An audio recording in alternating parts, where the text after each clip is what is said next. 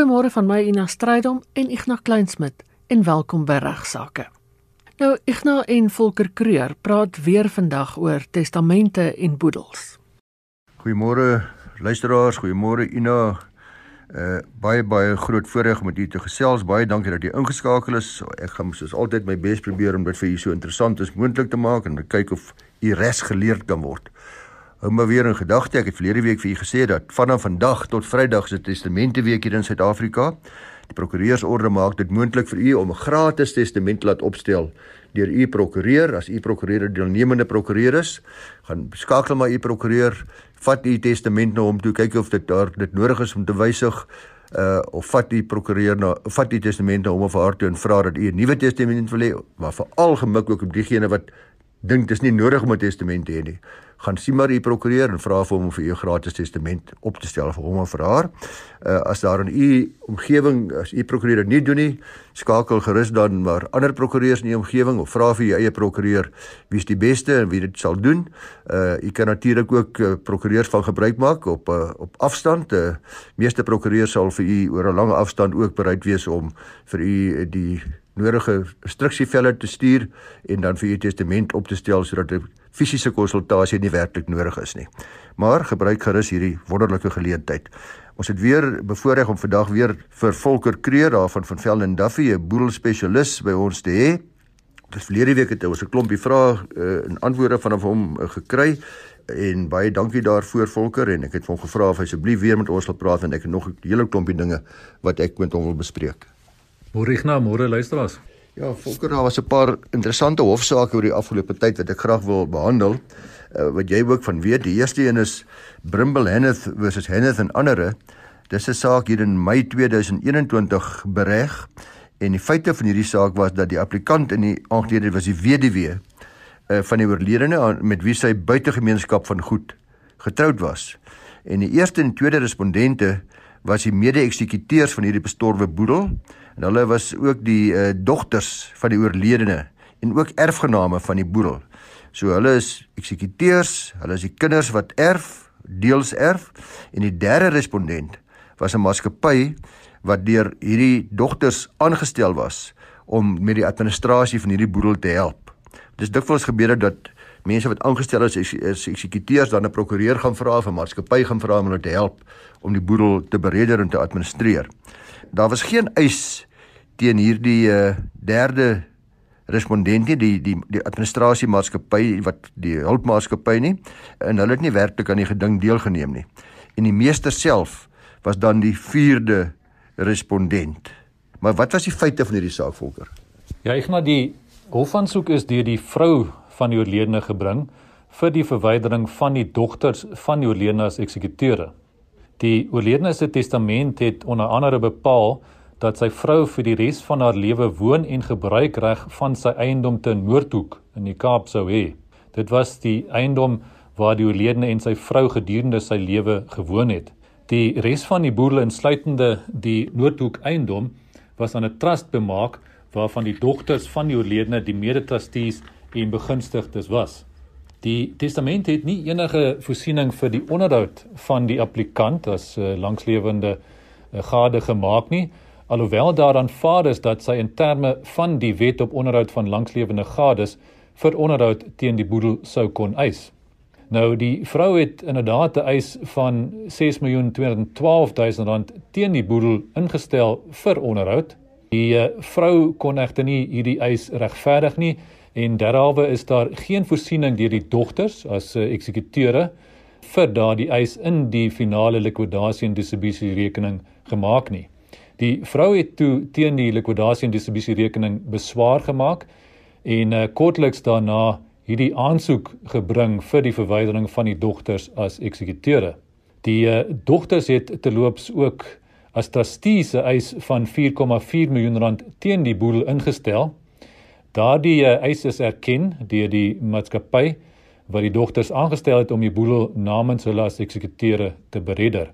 Nou, sy het geargumenteer, die uh, langslewende vrou, dat die eksekuteurs in terme van artikel 51.1a Romeinse 5 van die boedelwet verwyder moet word weens 'n botsing van belange. Baie baie interessante feite, net terloops luisteraars wat die Ek het al met u gesels oor die WTB onderhoud van die langslewende gades. Dit beteken maar basies dat wanneer ek getroud is met iemand op datum van sy of haar afsterwe en ek was onderhouds geregtig teen daardie oorlede gade, dan sal ek 'n eis hê uh, afhangende net word dit bepaal op 'n aktuariële berekening gedoen. In hierdie geval het Volker gesê was dit 6,2 miljoen rand bereken. Uh, en gewoonlik sal hierdie eise 'n baie groot deel van die boedel uitdelg. Uh, Volker, dit is nogal so. Dis 'n duidelike geval van dogter en twee dogters en 'n ma wat albei wil uh, maksimum met hierdie boedel uitkry. En uh wat het die hof te beslis, Volker? Die hof het onder andere na die funksies van 'n eksekuteur verwys. 'n Eksekuteur het eerstens 'n plig teenoor krediteure van die boedel om sy pligte bona fide en met objektiwiteit uit te voer. So dis die enigste die die eerste belangrike beginsel wat die hof uitgewys het en dan het die hof ook tweedens gesê dat dit oor die algemeen ongewens is dat die eksekuteur hom of haarself in 'n situasie moet bevind waar die eksekuteur ook een van die skuldeisers van die boedel is en so die regter van sy eie eis sal moet wees. So die hof het bevind dat die blote bestaan van 'n aangetoonde botsing van belange is prima facie voldoende grond vir die verwydering van 'n eksekuteur ingevolge artikel 54 van die Boedelwet. Die hof het verder bevind dat dit nie nodig is om enige wangedrag aan die hand van die eksekuteur te bewys nie. Die hof het bevind dat dit onvanpas is vir 'n skuldeiser se eis om deur die eksekuteur wat ook 'n begunstigde van die boedel is, beslis te word aangesien geen persoon die regter van sy eie saak behoort te wees nie. So die hof het gevolglik bepaal dat die dogters as eksekuteure verwyder moet word, so die langslewende vrou was inderdaad suksesvol met haar aansoek. Maar eh, wat leer ons nou eintlik hierdie beslissing? Wat sê kruks daarvan? Ja, ek sou sê dat die beslissing dit duidelik maak dat dit redelik maklik is om eksekuteure te verwyder en dalk makliker as wat die meeste luisteraars sou vermoed.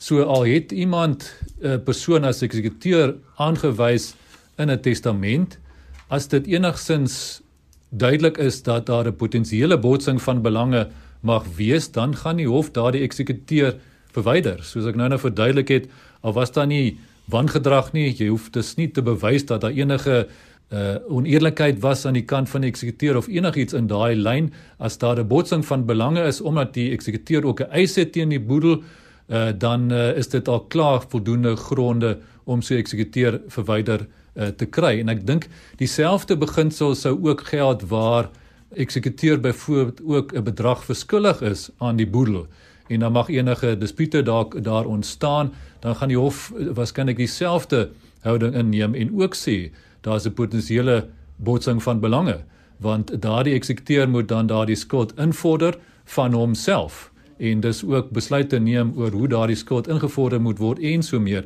So ek dink dit sou dan ook 'n basis wees om potensieel eksekuteur te verwyder. So ja, ek dink hierdie is dalk ook weer 'n aanduiding dat 'n mens dalk maar moet oorweeg om 'n onafhanklike persoon aan te wys as 'n eksekuteur in plaas van 'n familielid aangesien so afhanklike persoon dan sonder enige botsing van belange die boedel behoorlik kan beredder en ook 'n rol kan speel vir alles wat 'n persoon is wat die nodige ondervinding het en 'n deskundige is om te sorg dat die familie nie met mekaar beklei nie en dat die boedelberedingsproses so glad as moontlik verloop.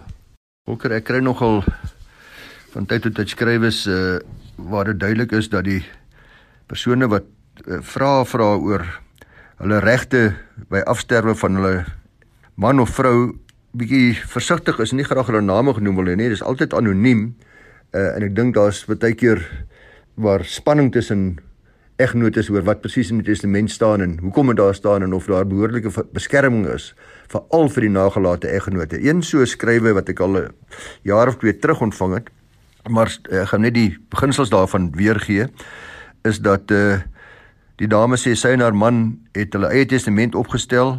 Dis 'n ding wat ek baie dikwels kry en dan's daar bewoording wat baie dubbelsinnig is soms.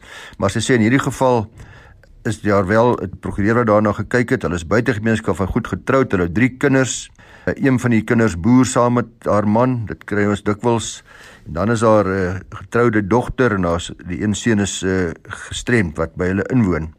Dan is daar 'n probleem dat uh, in geval hulle albei saam te sterwe kom, dan hulle is nou soos ek gesê het getroud binne gemeen buite gemeenskap van goedere, dan sê sy dan sou dit regverdig wees dat ons die gedeelte van my man se boerdery belange aan my seun bemaak.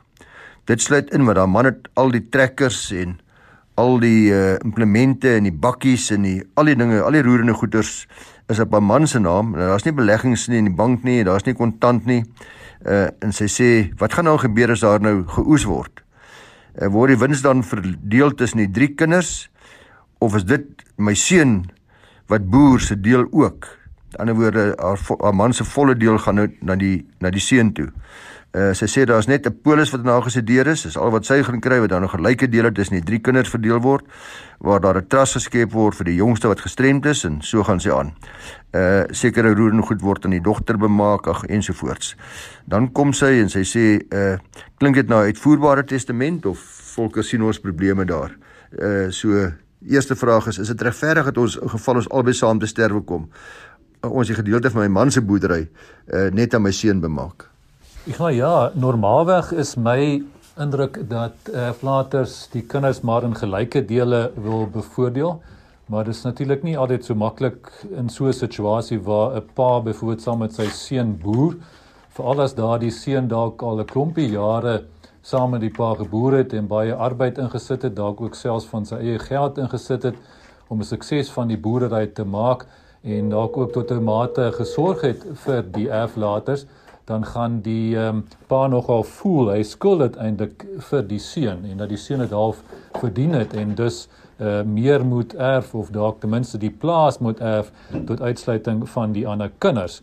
So dis maar dit 'n moeilike situasie want 'n mens wil daai seun natuurlik regverdig behandel en jy wil daarom ook vir die ander kinders uh, laat erf. So daar's 'n paar opsies waarna mens kan kyk. Ek wil nou nie te veel tyd daarin spandeer. Ons het in 'n laaste program ook al na daai moontlikhede uh, verwys. Wat ek daar kan byvoeg wat ons nie laas genoem het is 'n bemakingsprys. Jy kan byvoorbeeld ook sê dat jou seun uh moet die plaas erf en dan 'n bemakingsprys betaal wat jy dalk byvoorbeeld ook kan afbetaal aan die uh, dogters byvoorbeeld wat nou nie die plaas uh, gaan erf nie. So daar is opsies waarna mense kan kyk.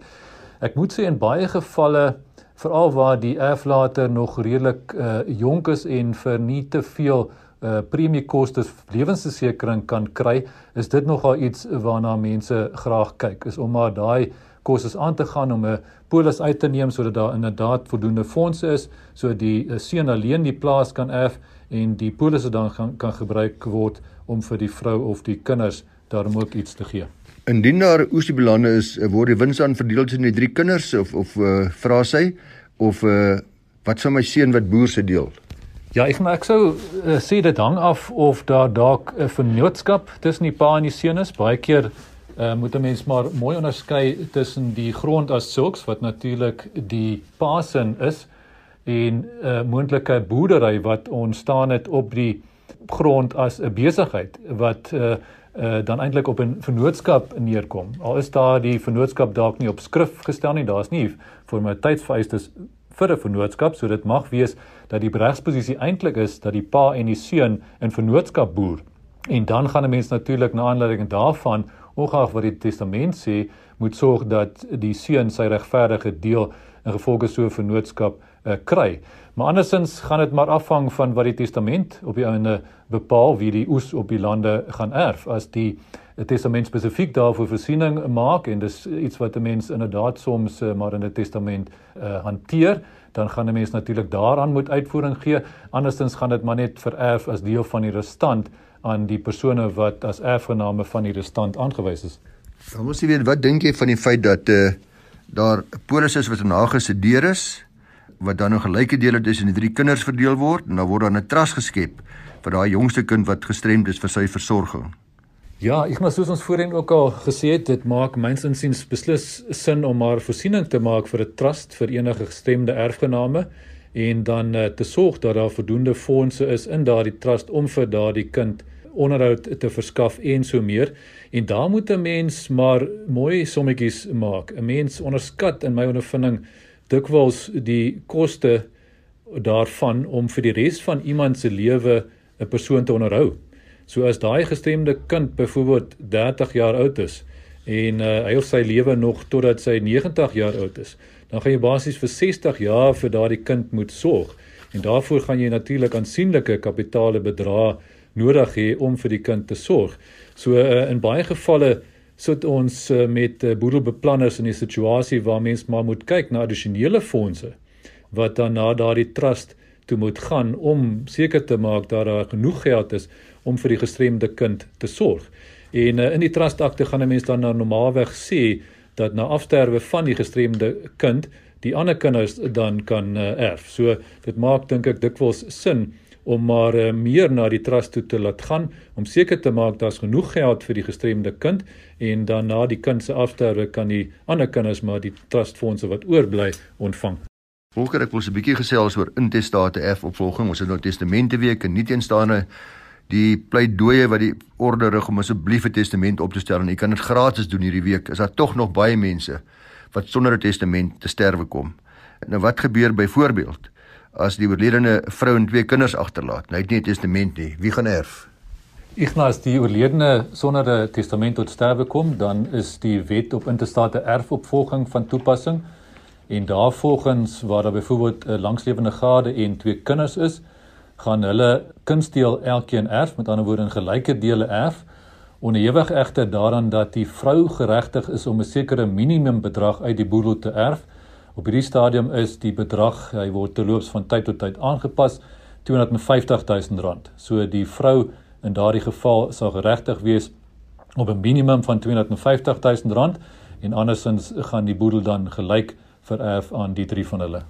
Dan was daar 'n baie interessante hofsaak wat almal wat by boedelbeplanning betrokke is van kennis uh, dra en uh, wie weet jy ook dis Banyana teen die meester van die Hooggeregshof in Kaapstad verlede jaar.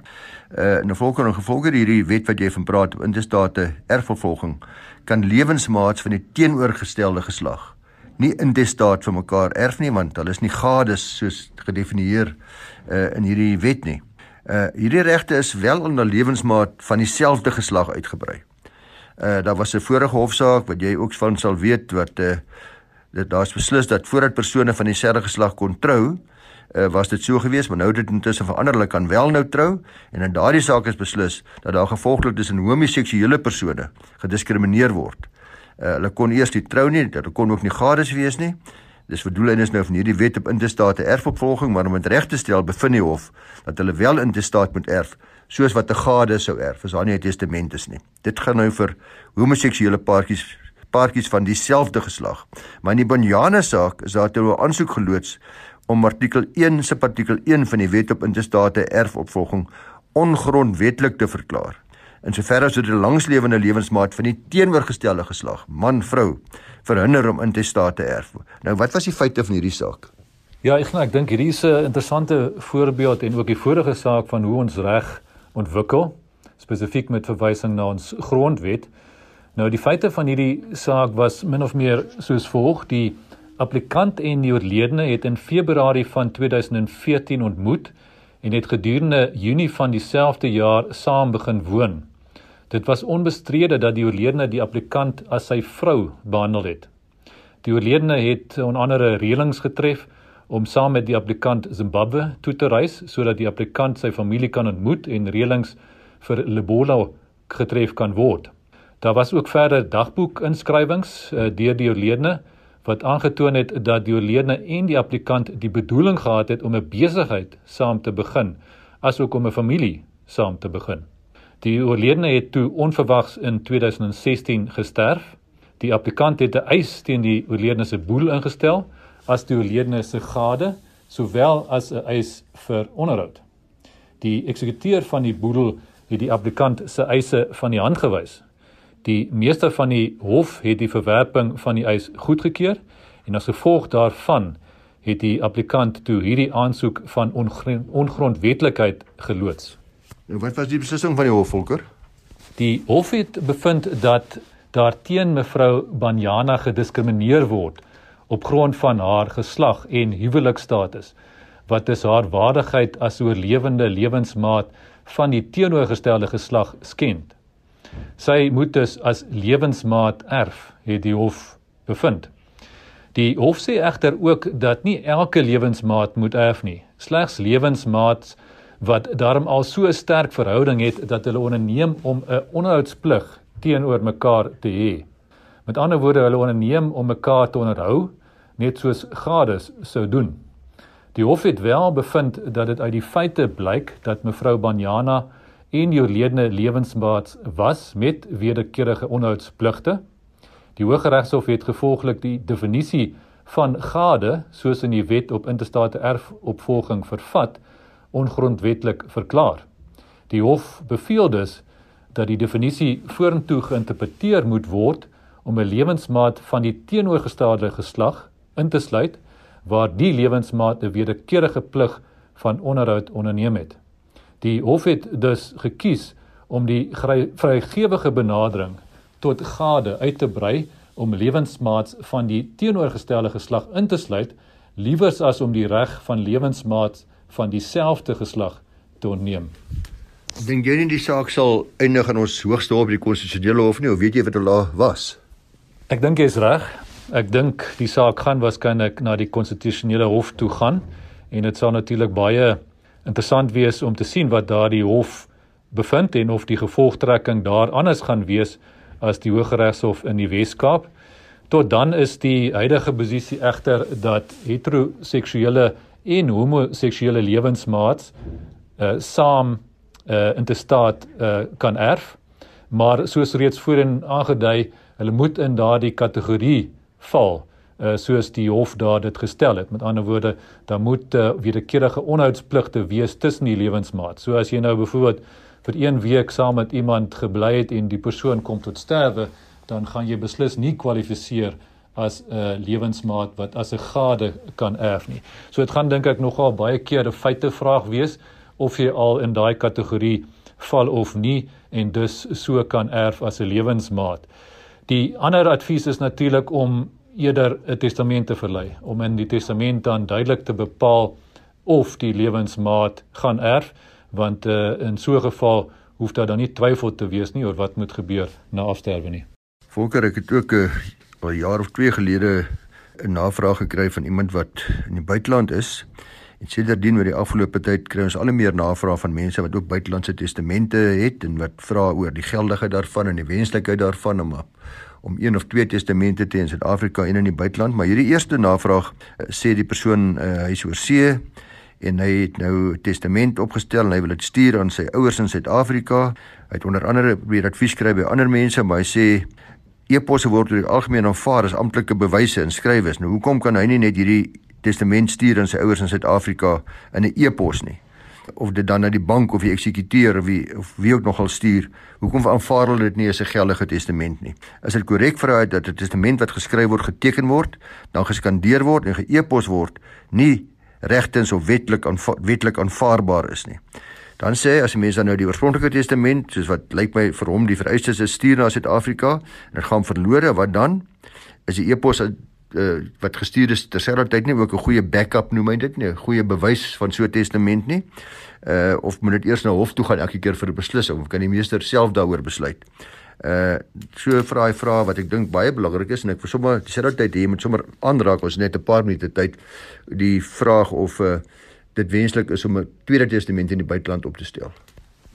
Ek gaan wanneer mense boedel aanmeld by die meester dan moet jy die oorspronklike testament as uitgangspunt indien. So mens moet maar die nodige praktiese stappe neem om te sorg dat jou oorspronklike testament beskikbaar is.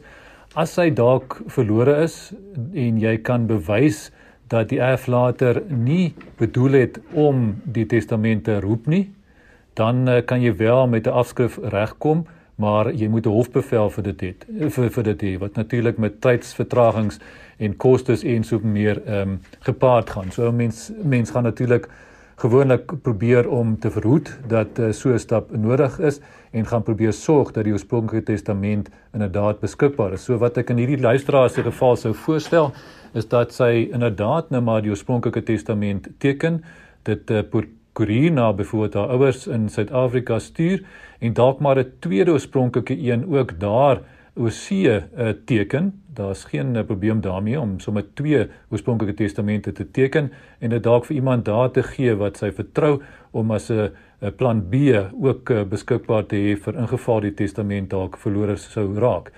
Uh die stuur van die geskandeerde testament per e-pos nadat die oorspronklike een ook per koerier gestuur is is natuurlik nie 'n slegte idee nie en dit kan inderdaad later dan in 'n hofaansoek gebruik word indien dit nodig sou wees maar mense hoop dat as daar twee oorspronklike testamente is ten minste een van hulle beskikbaar behoort te wees sodat hulle gebruik kan word om die boedel aan te meld en te beredder.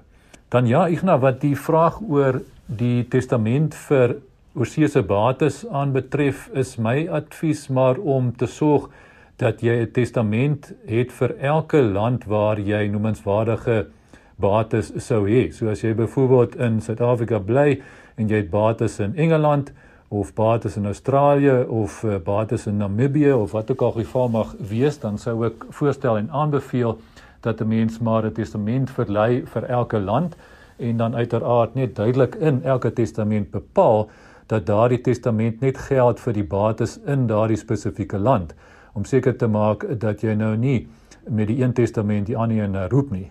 So dit maak dan die praktiese aanmeldings en bereddingsproses van elke boedel in elke land makliker aangesien jy dan daai spesifieke testament kan gebruik om die boedel in daardie land aan te meld en te bredder. Volker baie dankie en dis die einde van ons program vandag. Luisteraars, net weer vinnig herinner aan die testamente week wat van vandag af tot Vrydag in Suid-Afrika is die prokureursorde gee vir die geleentheid om gratis testamente gaan opstel by u prokureur van u keuse. Gaan sien die prokureur sê of hom het gehoor op RSG van die testamente week as hy of sy dalk jy daarvan weet nie en ek is seker daarvan 99 van die 100% sal hulle bereid wees om deel te neem aan aan hierdie program van die prokureursorde. Volker, wil jy asseblief ook jou uh e-posadres vir ons gee? Ek gaan dit volker by vvd.co.za v o l k e r by vvd vir van Velden Duffy.co.za. Baie dankie Volker vir jou deelname en groete aan al die luisteraars. En ook van my kant af groete tot volgende week.